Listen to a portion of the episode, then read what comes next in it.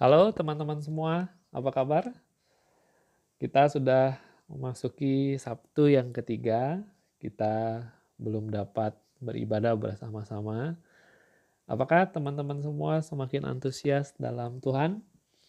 Semakin bersemangat setiap hari untuk semakin mengalami Tuhan, semakin bertumbuh, semakin banyak menerima insight menerima pewahyuan, menerima kebenaran yang baru dari Tuhan.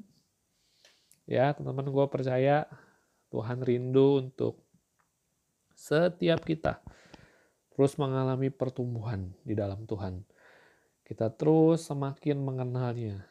Ya, kita terus semakin uh, punya persekutuan yang intim dengan Dia.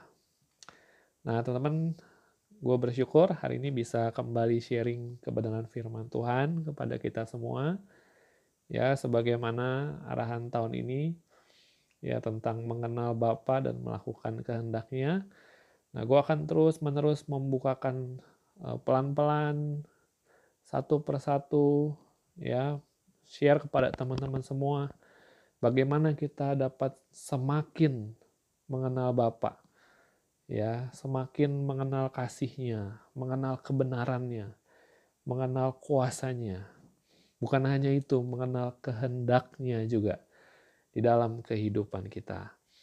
Nah, teman-teman, hari ini kita akan terus belajar ya tentang pengenalan akan Bapak. Nah, judulnya hari ini adalah mengenal Bapak dan kehendaknya dalam masa sukar.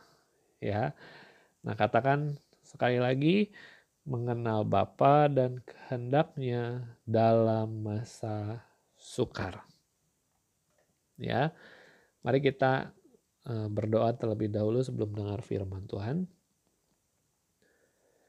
Bapa yang penuh kasih, bukalah sumber kasih karuniamu untuk kami. Karena engkaulah naungan sejati bagi jiwa kami. Kami akan berlindung di bawah naungan sayapmu, dan kami aman dalam dekapan pelukanmu. Kami percaya dalam segala keadaan Engkau ada bersama-sama dengan kami dan selalu menunjukkan kasihmu kepada kami oleh pemeliharaanmu yang berlimpah terus-menerus. Bapa, bangunkan jiwa kami dengan perkataanmu, dengan kebenaranmu, supaya kami tetap dapat hidup hanya karena firman-Mu. Berbicaralah rohmu kepada masing-masing kami yang mendengarkan firman ini. Kami siap mendengarkannya di dalam nama Yesus. Amin. Nah teman-teman, gue percaya ibadah ya ibadah yang sejati itu bukanlah ibadah ritual bukanlah ibadah agamawi. Ya, kalau tiap Sabtu sebelumnya kita bisa kebaktian tiap minggu, komsel tiap minggu, atau datang ke pertemuan-pertemuan gereja lainnya, kita datang ke equipping. Hari ini kita tiba-tiba nggak bisa melakukannya untuk sementara waktu.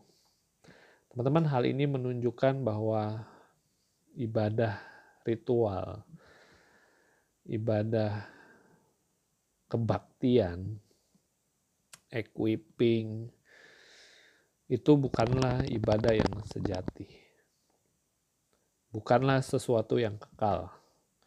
Karena dalam sekejap saja ibadah yang seperti itu bisa berhenti. Nah, teman-teman, karena ibadah yang sejati dan ibadah yang nilainya kekal itu adalah ibadah dalam bentuk persekutuan kita dengan Bapa secara pribadi terus-menerus. Ya. Itu yang gak akan pernah bisa dihilangkan dengan berbagai keadaan, dengan berbagai alasan. Karena ibadah yang sejati itu bukanlah sebuah kebaktian. Ibadah yang sejati adalah dimulai dari persekutuan pribadi kita dengan Bapa terus menerus setiap hari. Dalam berbagai keadaan, dalam setiap waktu, dalam setiap momen. Nah, mari kita lihat lebih dalam teman-teman di Roma 12 ayat 1 sampai 2. Firman Tuhan berkata begini, Karena itu saudara-saudara, demi kemurahan Allah, aku menasihatkan kamu, supaya kamu mempersembahkan tubuhmu sebagai persembahan yang hidup, yang kudus, dan yang berkenan kepada Allah. Ya, berkenan itu menyenangkan Allah. Terus dia bilang gini, itu adalah ibadahmu yang sejati. Ayat kedua, janganlah kamu menjadi serupa dengan dunia ini, tapi berubahlah oleh pembaharuan budimu, sehingga kamu dapat membedakan manakah kehendak Allah, apa yang baik, yang berkenan kepada Allah, dan yang sempurna.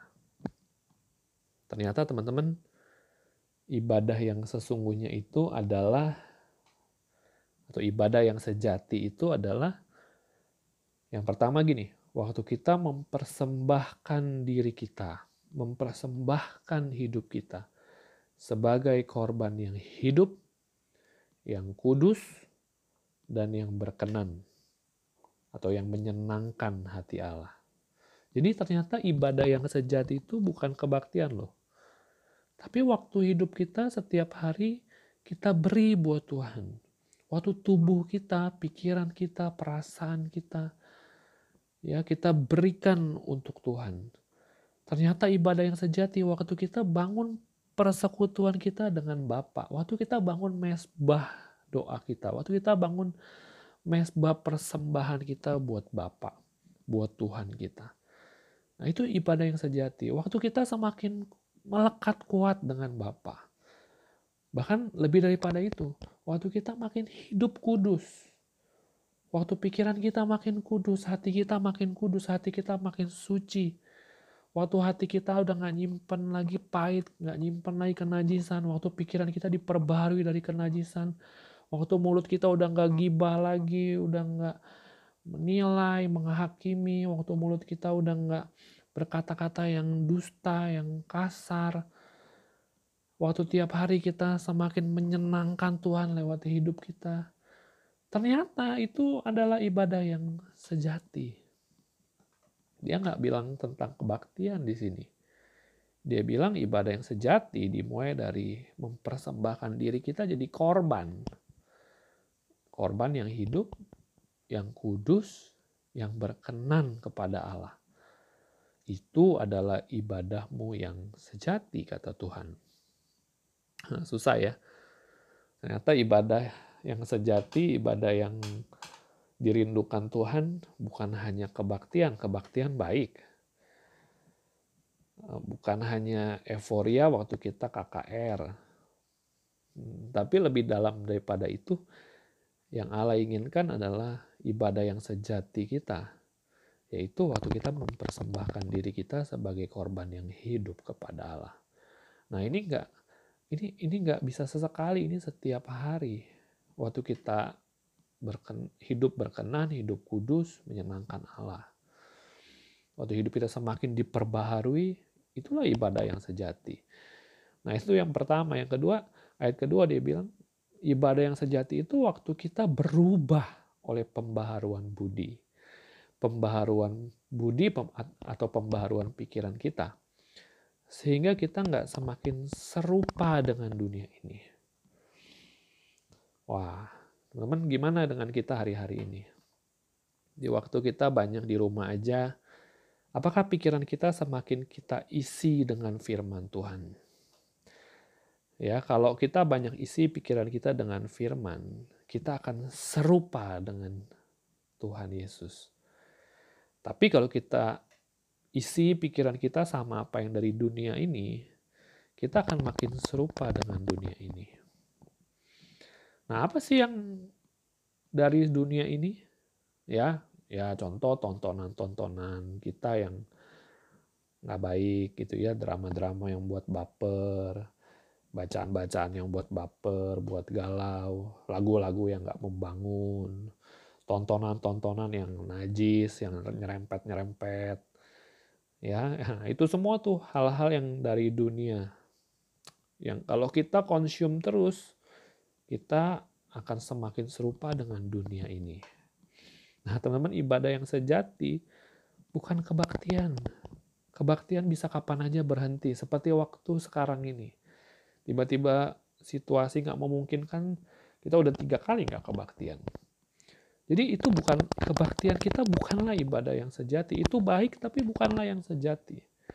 Nah, ibadah yang sejati, ibadah yang sesungguhnya sewaktu kita terus-menerus mengubahkan budi kita, mengubahkan pikiran kita agar diri kita semakin serupa dengan Kristus, bukan dengan dunia ini. Jadi susah loh ini ibadah ibadah yang sejati, tapi ini yang Tuhan inginkan. Nah, kalau kita dua hal ini setiap hari kita lakukan, kita akan semakin mengenal kehendak Allah. Makanya tadi dia bilang di akhir, kalau kita lakukan dua hal tadi, mempersembahkan diri kita sebagai korban yang hidup, kudus berkenan kepada Allah, dan waktu kita berubah oleh pembaruan pikiran kita, pembaruan budi, kita akan mengenal kehendak Allah. Apa yang baik dan berkenan kepada Allah. Nah, Hal yang baik dan menyenangkan hati Allah itu adalah waktu kita mengenal kehendak Allah. Ya, nah teman-teman, tapi mengenal kehendak Allah itu kita nggak bisa tiba-tiba, ya, perlu perjalanan, perlu proses untuk kita mengenal isi hati Bapa, untuk kita mengenal kehendak Bapa. Kita perlu melakukan dua hal yang tadi Waktu kita menyerahkan diri kita setiap hari untuk Tuhan, waktu kita makin kudus, makin suci pikiran, suci perbuatan, waktu kita semakin menyenangkan Allah, dan waktu kita terus-menerus membiarkan pikiran kita diperbaharui oleh firman, bukan oleh dunia ini, kita pasti akan semakin mengenal Allah kita pasti akan semakin mengenal kehendak Allah, yaitu apa yang baik, apa yang sempurna, apa yang berkenan kepada Allah. Nah, teman-teman, itu ibadah yang sejati. Hari ini, mari kita ubah mindset kita. Jangan bergantung kepada kebaktian raya. Kebaktian raya kita tiba-tiba stop. Tapi hari ini Tuhan ingatkan kita, ibadah kita yang sesungguhnya, ibadah yang kita yang sejati, dimulai dari diri kita sendiri. Waktu kita mempersembahkan diri kita sebagai korban yang hidup, yang kudus berkenan kepada Allah setiap hari. Waktu kita melekat kepada Bapa. Waktu kita terus ubah pikiran kita, pembaharuan pikiran kita setiap hari. Kita akan semakin mengenal kehendak Bapa, mengenal apa yang baik, apa yang berkenan kepada Allah, apa yang sempurna. Itu adalah ibadah kita yang sejati. Nah, teman-teman, makanya sangat penting kita terus bangun ibadah yang sesungguhnya, ibadah yang sejati. Ya, makanya semua keadaan yang ada sebetulnya sangat mendatangkan kebaikan bagi kita. Ya kita tiba-tiba nggak bisa ibadah langsung nggak bisa ibadah ketemuan hari Sabtu seperti biasanya kita lakukan. Nah lewat hal itu.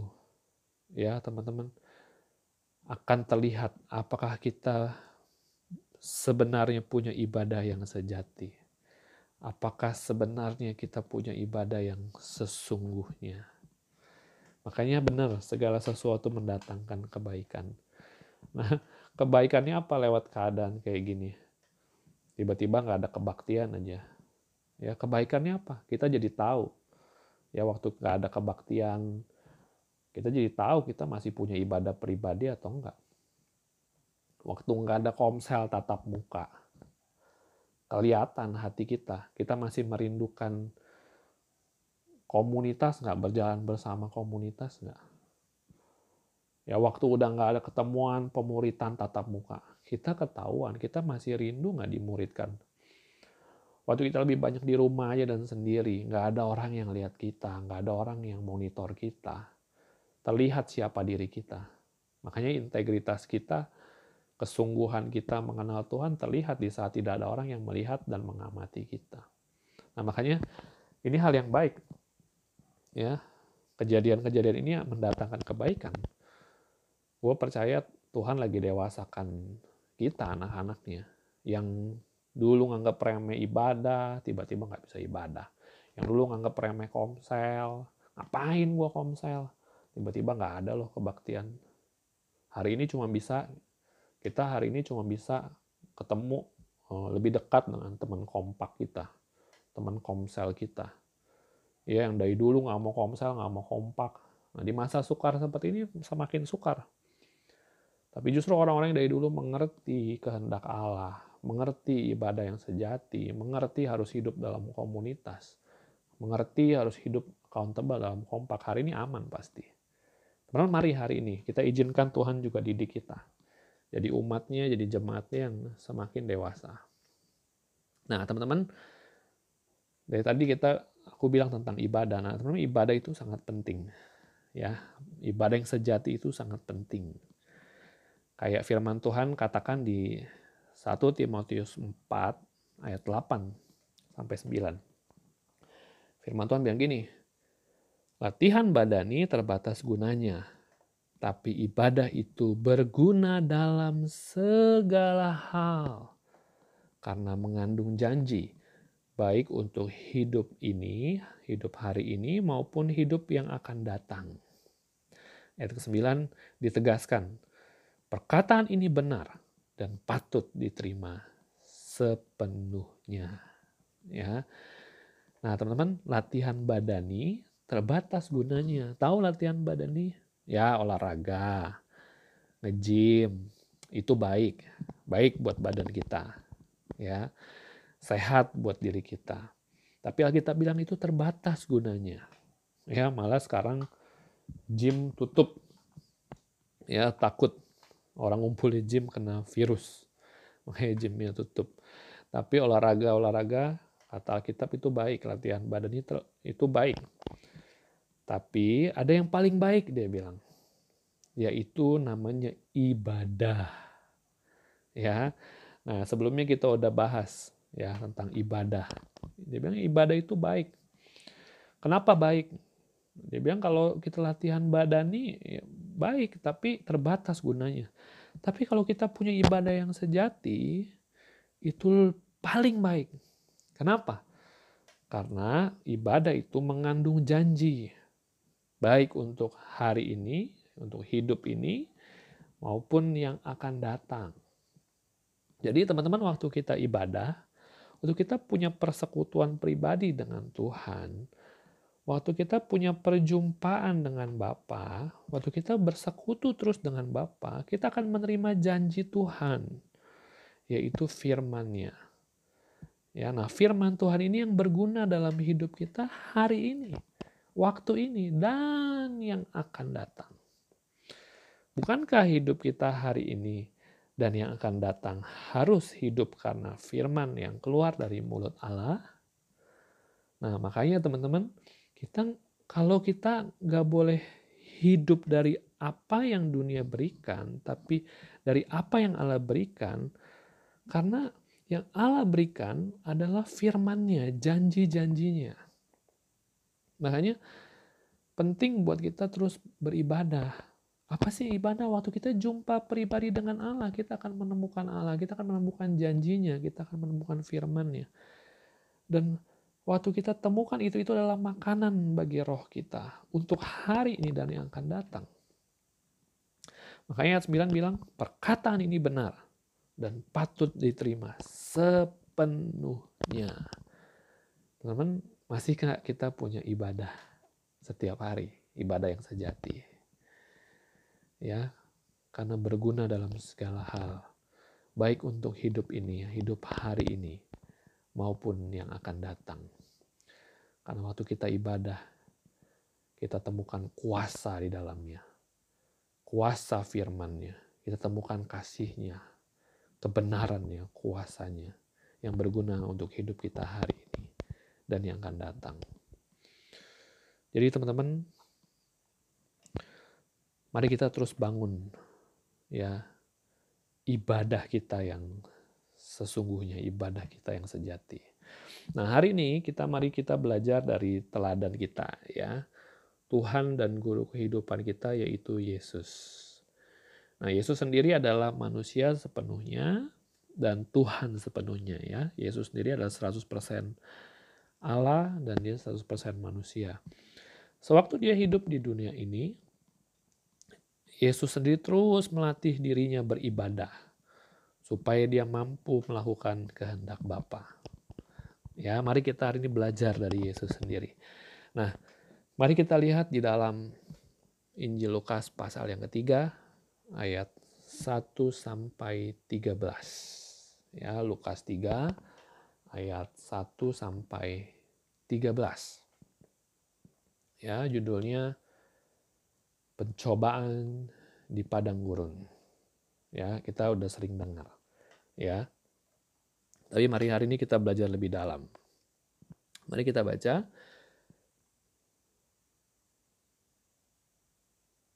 Eh sorry, di Lukas, sorry, di Lukas 4 ayat 1 sampai 13 ya, pencobaan Yesus di padang gurun. Ayat pertama, Yesus yang penuh dengan Roh Kudus kembali dari sungai Yordan lalu dibawa oleh Roh Kudus ke padang gurun. Ya, Yesus yang penuh dengan Roh Kudus, kembali dari Sungai Yordan. Lalu ia dibawa oleh Roh Kudus ke padang gurun. Nah, stop sampai di sini. Teman-teman, apa yang kamu lagi alami hari ini? Kalau kita lagi ada dalam padang gurun, situasi yang nggak enak, proses yang nggak enak, nah dengar baik-baik. Itu Roh Kudus yang bawa kita. Ya, bukan karena kebetulan atau untuk menyengsarakan kita. Ya, hari ini kalau kamu ada di padang gurun, dengar baik-baik itu Roh Kudus yang bawa kamu. Ya, bukan lagi mau hancurin hidup kamu di padang gurun, bukan seperti apa yang orang, orang bangsa Israel bilang. Tuhan kamu bawa kami ke padang gurun sini keluar dari Mesir, keluar dari Mesir untuk buat kami mati ya. Nah, Roh Kudus bawa kita ke padang gurun bukan untuk kita mati. Kamu kita diproses Tuhan hari ini. Bukan untuk menghancurkan kita proses Tuhan hari ini yang gak enak di padang gurun bukan untuk membuat kita mati di padang gurun. Tapi untuk apa? Nah, ada ayatnya di ulangan 8 ayat 2.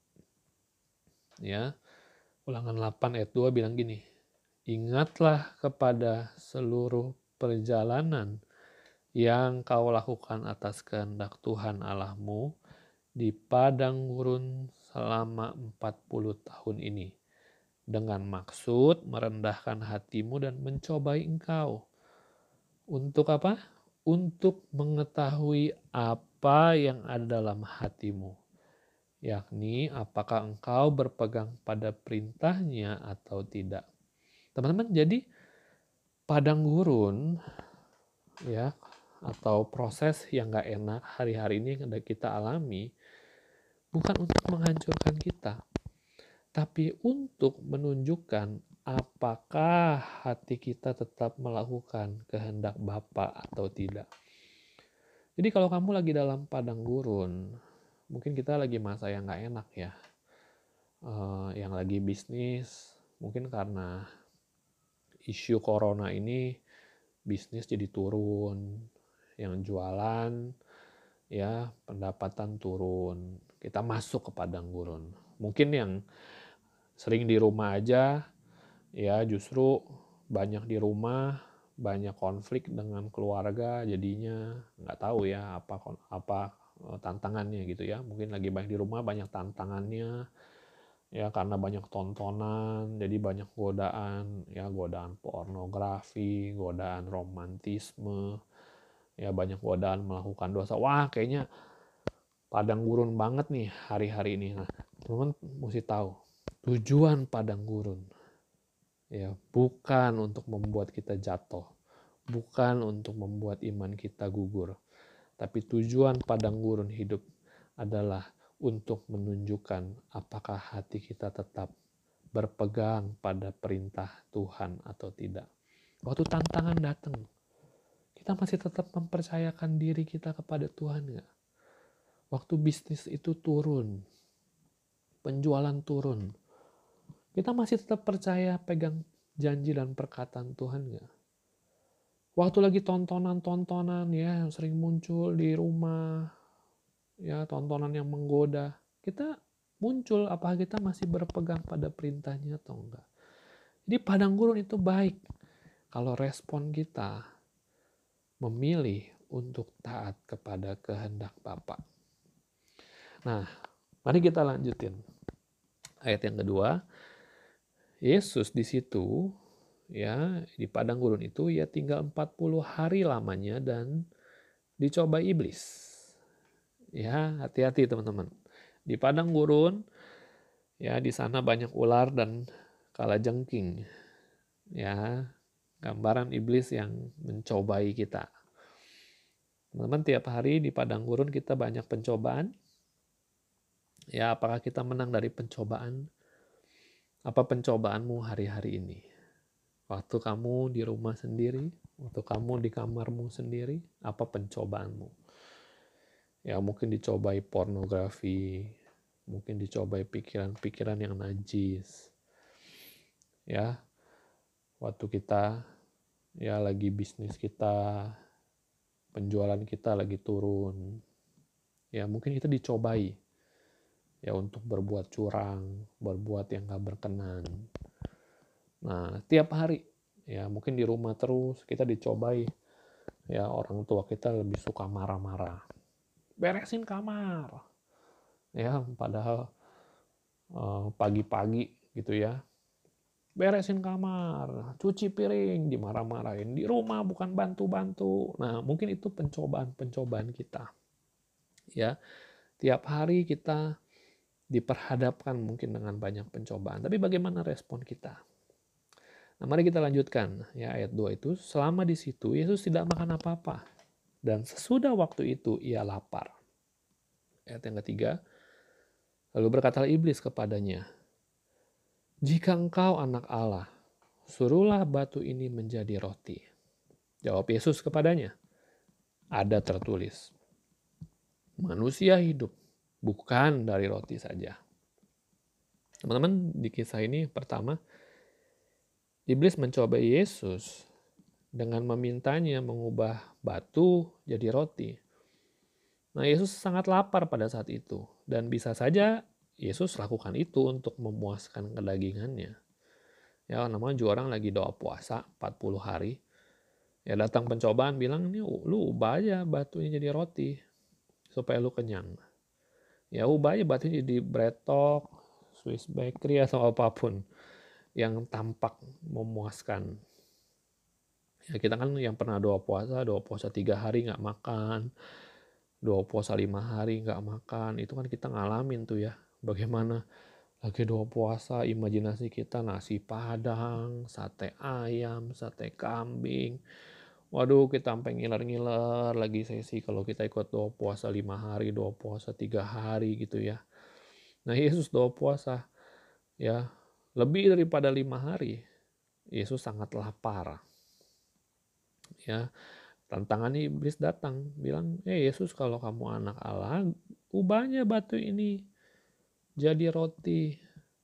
Ya, jadi roti daging, burger, cheeseburger, sandwich Kan kamu bisa. Ya, itu tantangan pencobaan. Nah, teman-teman, tantangan yang diberikan iblis buat Yesus itu untuk memuaskan dagingnya. Nah, tantangan kita dalam hidup sehari-hari adalah keinginan daging hal yang sama. Ya, ada banyak orang nggak bisa hidup dari roti duniawinya. Ada yang nggak bisa hidup tanpa game. Coba aja yang kecanduan game, terikat. Bisa nggak sehari nggak main game? Ada yang nggak bisa hidup tanpa tontonan. Ada yang nggak bisa hidup tanpa film drama. Makanya drama terus hidup ya. Ya, ada yang nggak bisa hidup tanpa film porno. Makanya terikat terus dengan kenajisan. Ada yang nggak bisa hidup tanpa konsumsi lagu-lagu yang galau-galau, lagu-lagu cinta, ya semua itu jadi makanan yang kita pengen banget semua itu terus dikonsumsi Teman kalau kita terus konsumsi makanan, roti yang dari dunia ini, kita akan mati dalam padang gurun. Kita akan mati dalam tantangan. Makanya hari ini apa yang kita konsumsi? Apa kita terus konsumsi keinginan daging kita? Ya hal-hal yang tadi aku sebutkan. Teman-teman makanya Yesus kasih teladan untuk kita. Supaya kita nggak hidup dari hal-hal itu.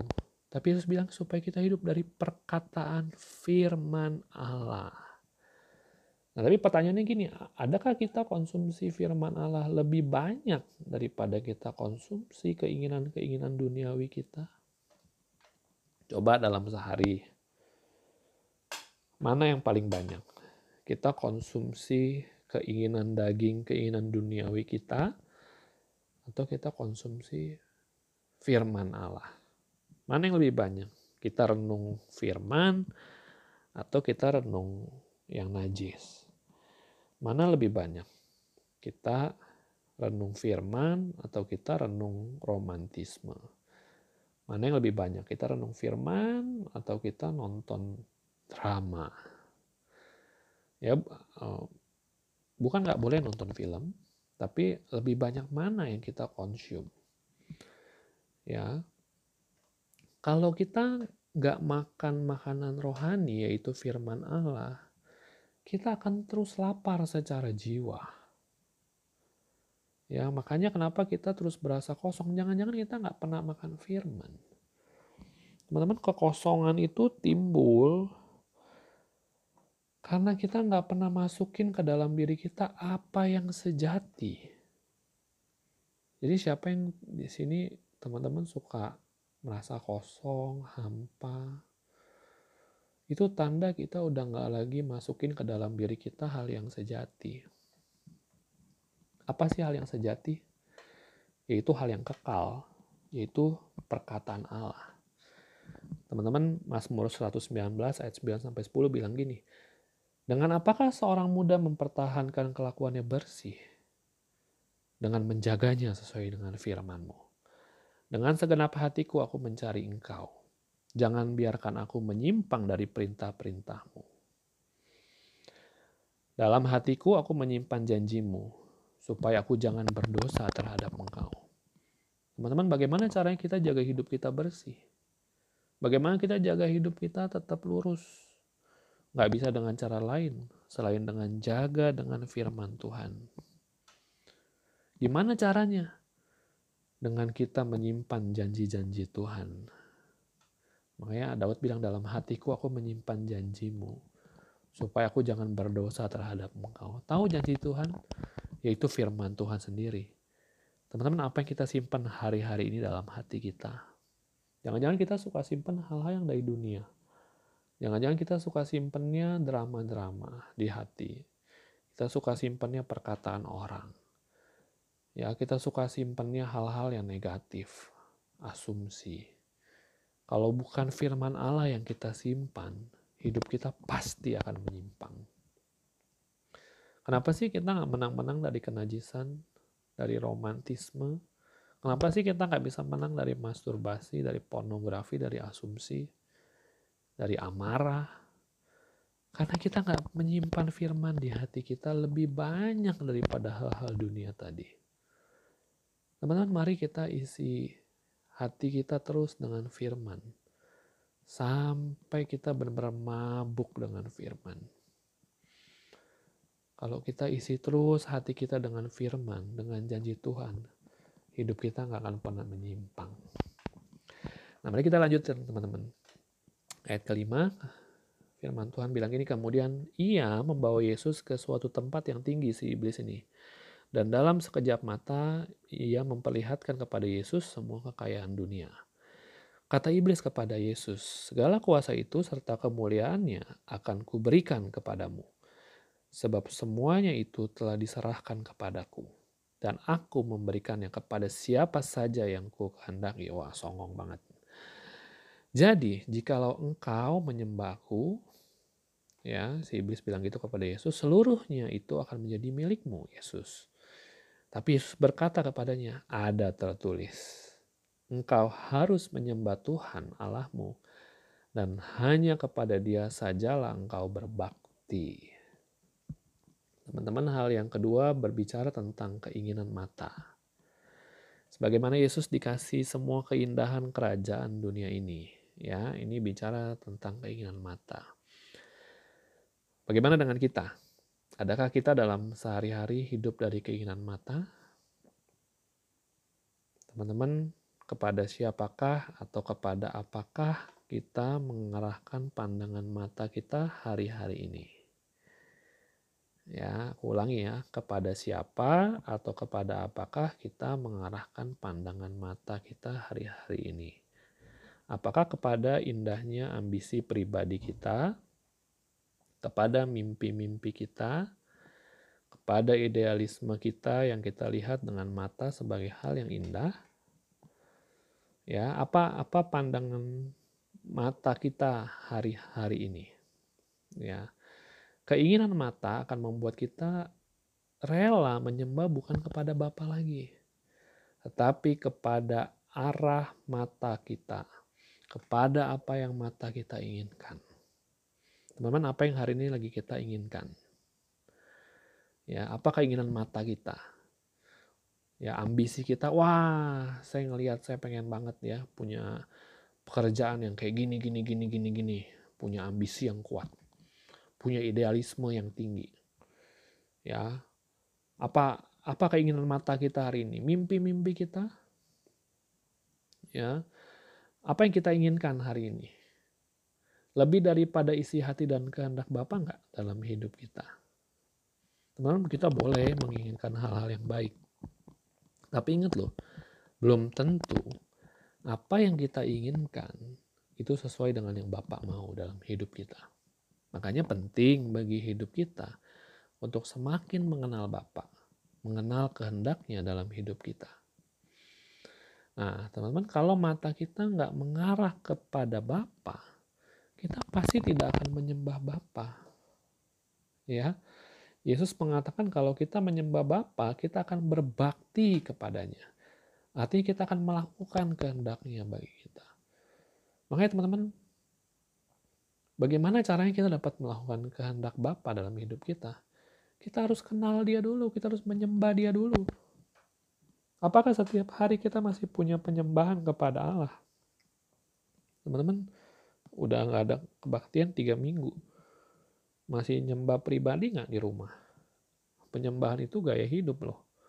Makanya kekristenan yang sesungguhnya ini nggak pernah ngomong tentang ritual agama. Bahkan penyembahan sekalipun bukan bicara tentang ritual agama, penyembahan penyembahan yang sejati bicara gaya hidup kita terus nyembah Tuhan. Tiap hari kita masih nyembah Tuhan nggak? Kalau kita hati kita terus menyembah Bapa, kita pasti akan menemukan isi hati dan kehendaknya. Mari kita lanjutkan. Di ayat yang ke-9 kemudian nah, ia membawa Yesus ke Yerusalem dan menempatkan Yesus di bubungan bait Allah.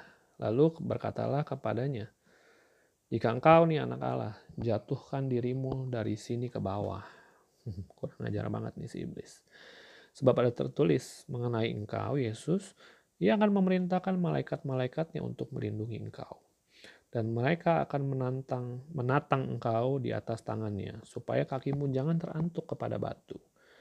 Yesus menjawabnya, kata Yesus lagi, ada firman, jangan engkau mencobai Tuhan Allahmu. Yang ketiga teman-teman, dalam masa sukar atau padang gurun kita sehari-hari, kita akan bertemu dengan pencobaan-pencobaan yang namanya keangkuhan hidup. Ya, Yesus sebagai Tuhan bisa saja menjatuhkan diri dan menyuruh malaikat-malaikatnya menjaga dia. Yesus bisa aja tanda kutip ya menyombongkan diri nih. Lu lihat nih gue bisa nih gue jatuh dari atas malaikat pasti tangkap gue. Tapi Yesus nggak lakukan itu. Ya karena bagi Yesus itu namanya kesombongan. Pencobaan yang ketiga berbicara tentang keangkuhan hidup. Keangkuhan atau kesombongan itu ada karena kita merasa mampu dan tidak lagi mengandalkan Tuhan. Ya, Keangkuhan atau kesombongan ada karena kita merasa mampu dan tidak lagi mengandalkan Tuhan. Teman-teman, apakah kita hari ini sudah tidak lagi mengandalkan Tuhan? Apakah kita masih mengandalkan pertolongan Tuhan dalam hidup kita? Ya, Yeremia 17 ayat 5 sampai 6 Yeremia 17 ayat 5 sampai 6 ngomong begini. Beginilah firman Tuhan. Terkutuklah orang yang mengandalkan manusia, yang mengandalkan kekuatannya sendiri, dan yang hatinya menjauh daripada Tuhan. Ia akan seperti semak bulus di padang belantara. Ia tidak akan mengalami datang yang keadaan baik. Ia akan tinggal di tanah angus di padang gurun, di negeri padang asin yang tidak berpenduduk. Teman-teman, masih nggak kita mengandalkan Tuhan hari ini? Atau kita mengandalkan manusia, berharap kepada manusia, atau kita mengandalkan kekuatan kita sendiri? Atau apakah hati kita menjauh daripada Tuhan? Teman-teman, kesombongan itu tidak datang tiba-tiba. Tapi dari hati yang menjauh daripada Tuhan, Apakah setiap hari kita masih melekat kepada Tuhan? Masih cari Tuhan nggak kita setiap hari? Teman-teman kita masih datang kepada Tuhan nggak? Ya, di minggu yang lalu kita belajar dari Samuel tentang perjumpaan dengan Tuhan secara pribadi. Masih nggak kita praktek setiap hari berjumpa dengan Tuhan? Masih nggak kita mengandalkan kasih karunia Tuhan? Karena kita nggak akan pernah bisa hidup tanpa kasih karunia Tuhan. Oleh sebab itu, cari dia. Cari dia. Jangan cari yang lain. Kita harus bawa hati kita melekat kepada Tuhan. Sehingga kita pasti mampu menghadapi segala tantangan. Teman-teman, apakah hati kita melekat, nempel sama Tuhan? Apa-apa Tuhan, apa-apa Tuhan. Ya, apakah hari ini kita masih melekat kepada Tuhan atau justru hati kita jauh daripada Tuhan. Nah mari kita bangun lagi teman-teman. Ya biar firman ini membangunkan kita. Supaya kita semakin mengenal Bapa lewat melekatnya kita dengan dia. Ayat ke-13. Sesudah iblis mengakhiri semua pencobaan itu, iblis mundur daripada Yesus Nah, yang menarik kita bilang gini, dan iblis menunggu waktu yang baik. Teman iblis tidak hanya mundur, tetapi mencari waktu yang baik. Dengar baik-baik, iblis terus mengincar kita untuk menyerang kita. Senjata utama iblis tahu adalah tipu daya. Ya, ia akan terus tipu kita tipu pikiran kita, tipu hati kita. Supaya iblis akan terus buat kita nggak pegang firman. Tapi iblis akan terus buat kita pegang tipu dayanya. Sehingga kita jadi down, jadi baper, jadi kecewa, jadi pahit, dan tidak percaya kepada janji-janji Tuhan. Teman-teman, kalau kamu dapat janji Tuhan, pegang. Ya, dengar iblis suka menukarnya dengan tipu daya. Hari ini kalau kamu lagi terima janji Tuhan untuk masa depanmu, untuk bisnismu, ya, untuk pekerjaanmu, pegang. Karena iblis terus berusaha untuk mencobai kita dengan tipu daya. Ya, pegang janji Tuhan. Teman-teman, kita belajar tadi ada tiga pencobaan kita, ada tiga masa sukar kita Ya, hari ini kita hidup di masa sukar yang mana? Ya, 1 Yohanes 2 ayat 15 sampai 16. 1 Yohanes 2 ayat 15 sampai 16. Dia bilang gini, Janganlah kamu mengasihi dunia dan apa yang ada di dalamnya. Tadi kita udah bahas di sebelum-sebelumnya, apa sih yang dunia berikan, apa sih yang dunia tawarkan. Nah, kita bilang, jangan kamu mengasihi dunia dan apa yang ada di dalamnya. Jikalau orang mengasihi dunia, maka kasih akan Bapa tidak ada di dalam orang itu. Kalau kita terus konsum hal-hal yang duniawi, kalau kita terus makan hal-hal duniawi, kita nggak bisa mengasihi Bapa. Sebab, dia bilang ayatnya bilang ini, sebab semua yang ada di dalam dunia, yaitu keinginan daging dan keinginan mata, serta keangkuhan hidup, bukanlah berasal dari Bapa, melainkan dari dunia ini. Teman-teman tadi tiga hal yang kita sebut tadi, yang kita bahas tadi. Keinginan daging, keinginan mata, keangkuhan hidup. Itu bukan dari Bapa, tapi dari dunia ini. Makanya teman-teman, mari kita cari Bapa. Sehingga kita akan hidup. Mari kita mengenal Bapa sehingga kita akan tetap kuat dan bertindak. Mari kita mengenal Allah, karena itulah kebahagiaan yang sejati hidup kita. Teman-teman, mari ya, gua akan terus ingetin kita semua, membawa kita semua. Justru di waktu-waktu ini semakin kuat dalam firman, sehingga kita semakin kuat dalam iman, supaya kita terus mampu mengenal Allah dan kuat melakukan kehendaknya. Teman-teman gue berdoa supaya kita jadi orang-orang yang kuat. Ya, teman-teman bisa cek, kita semua bisa cek. Di masa-masa ini kita justru semakin kuat atau semakin lemah. Kita bisa cek di waktu-waktu ini kita semakin mencintai Tuhan atau enggak. Kita bisa cek di waktu ini kita semakin punya ibadah yang sejati atau enggak. Ini semua hanyalah cerminan. Padang gurun hanyalah sebuah cermin untuk memperlihatkan apa yang di dalam hati kita. Mari kita jadi orang yang kuat lewat pengenalan kita akan Bapa. Mari kita berdoa. Terima kasih Bapa untuk kebenaran firman-Mu. Kami percaya ketika kami tinggal dalamnya, kami akan dimerdekakan dan menerima kebebasan yang sejati.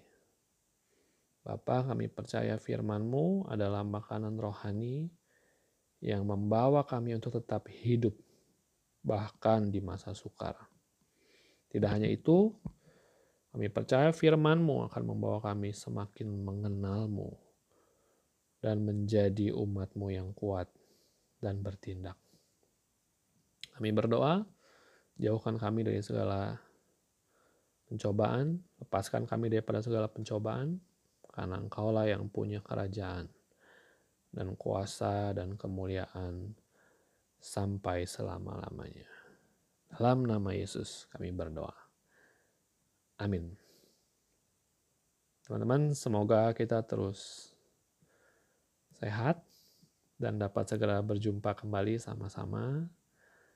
Semoga kita terus semakin mengenal Allah, semakin mencintai Dia, dan semakin kuat bertindak melakukan kehendak Bapa. Terima kasih. Tuhan menyertai kita semua.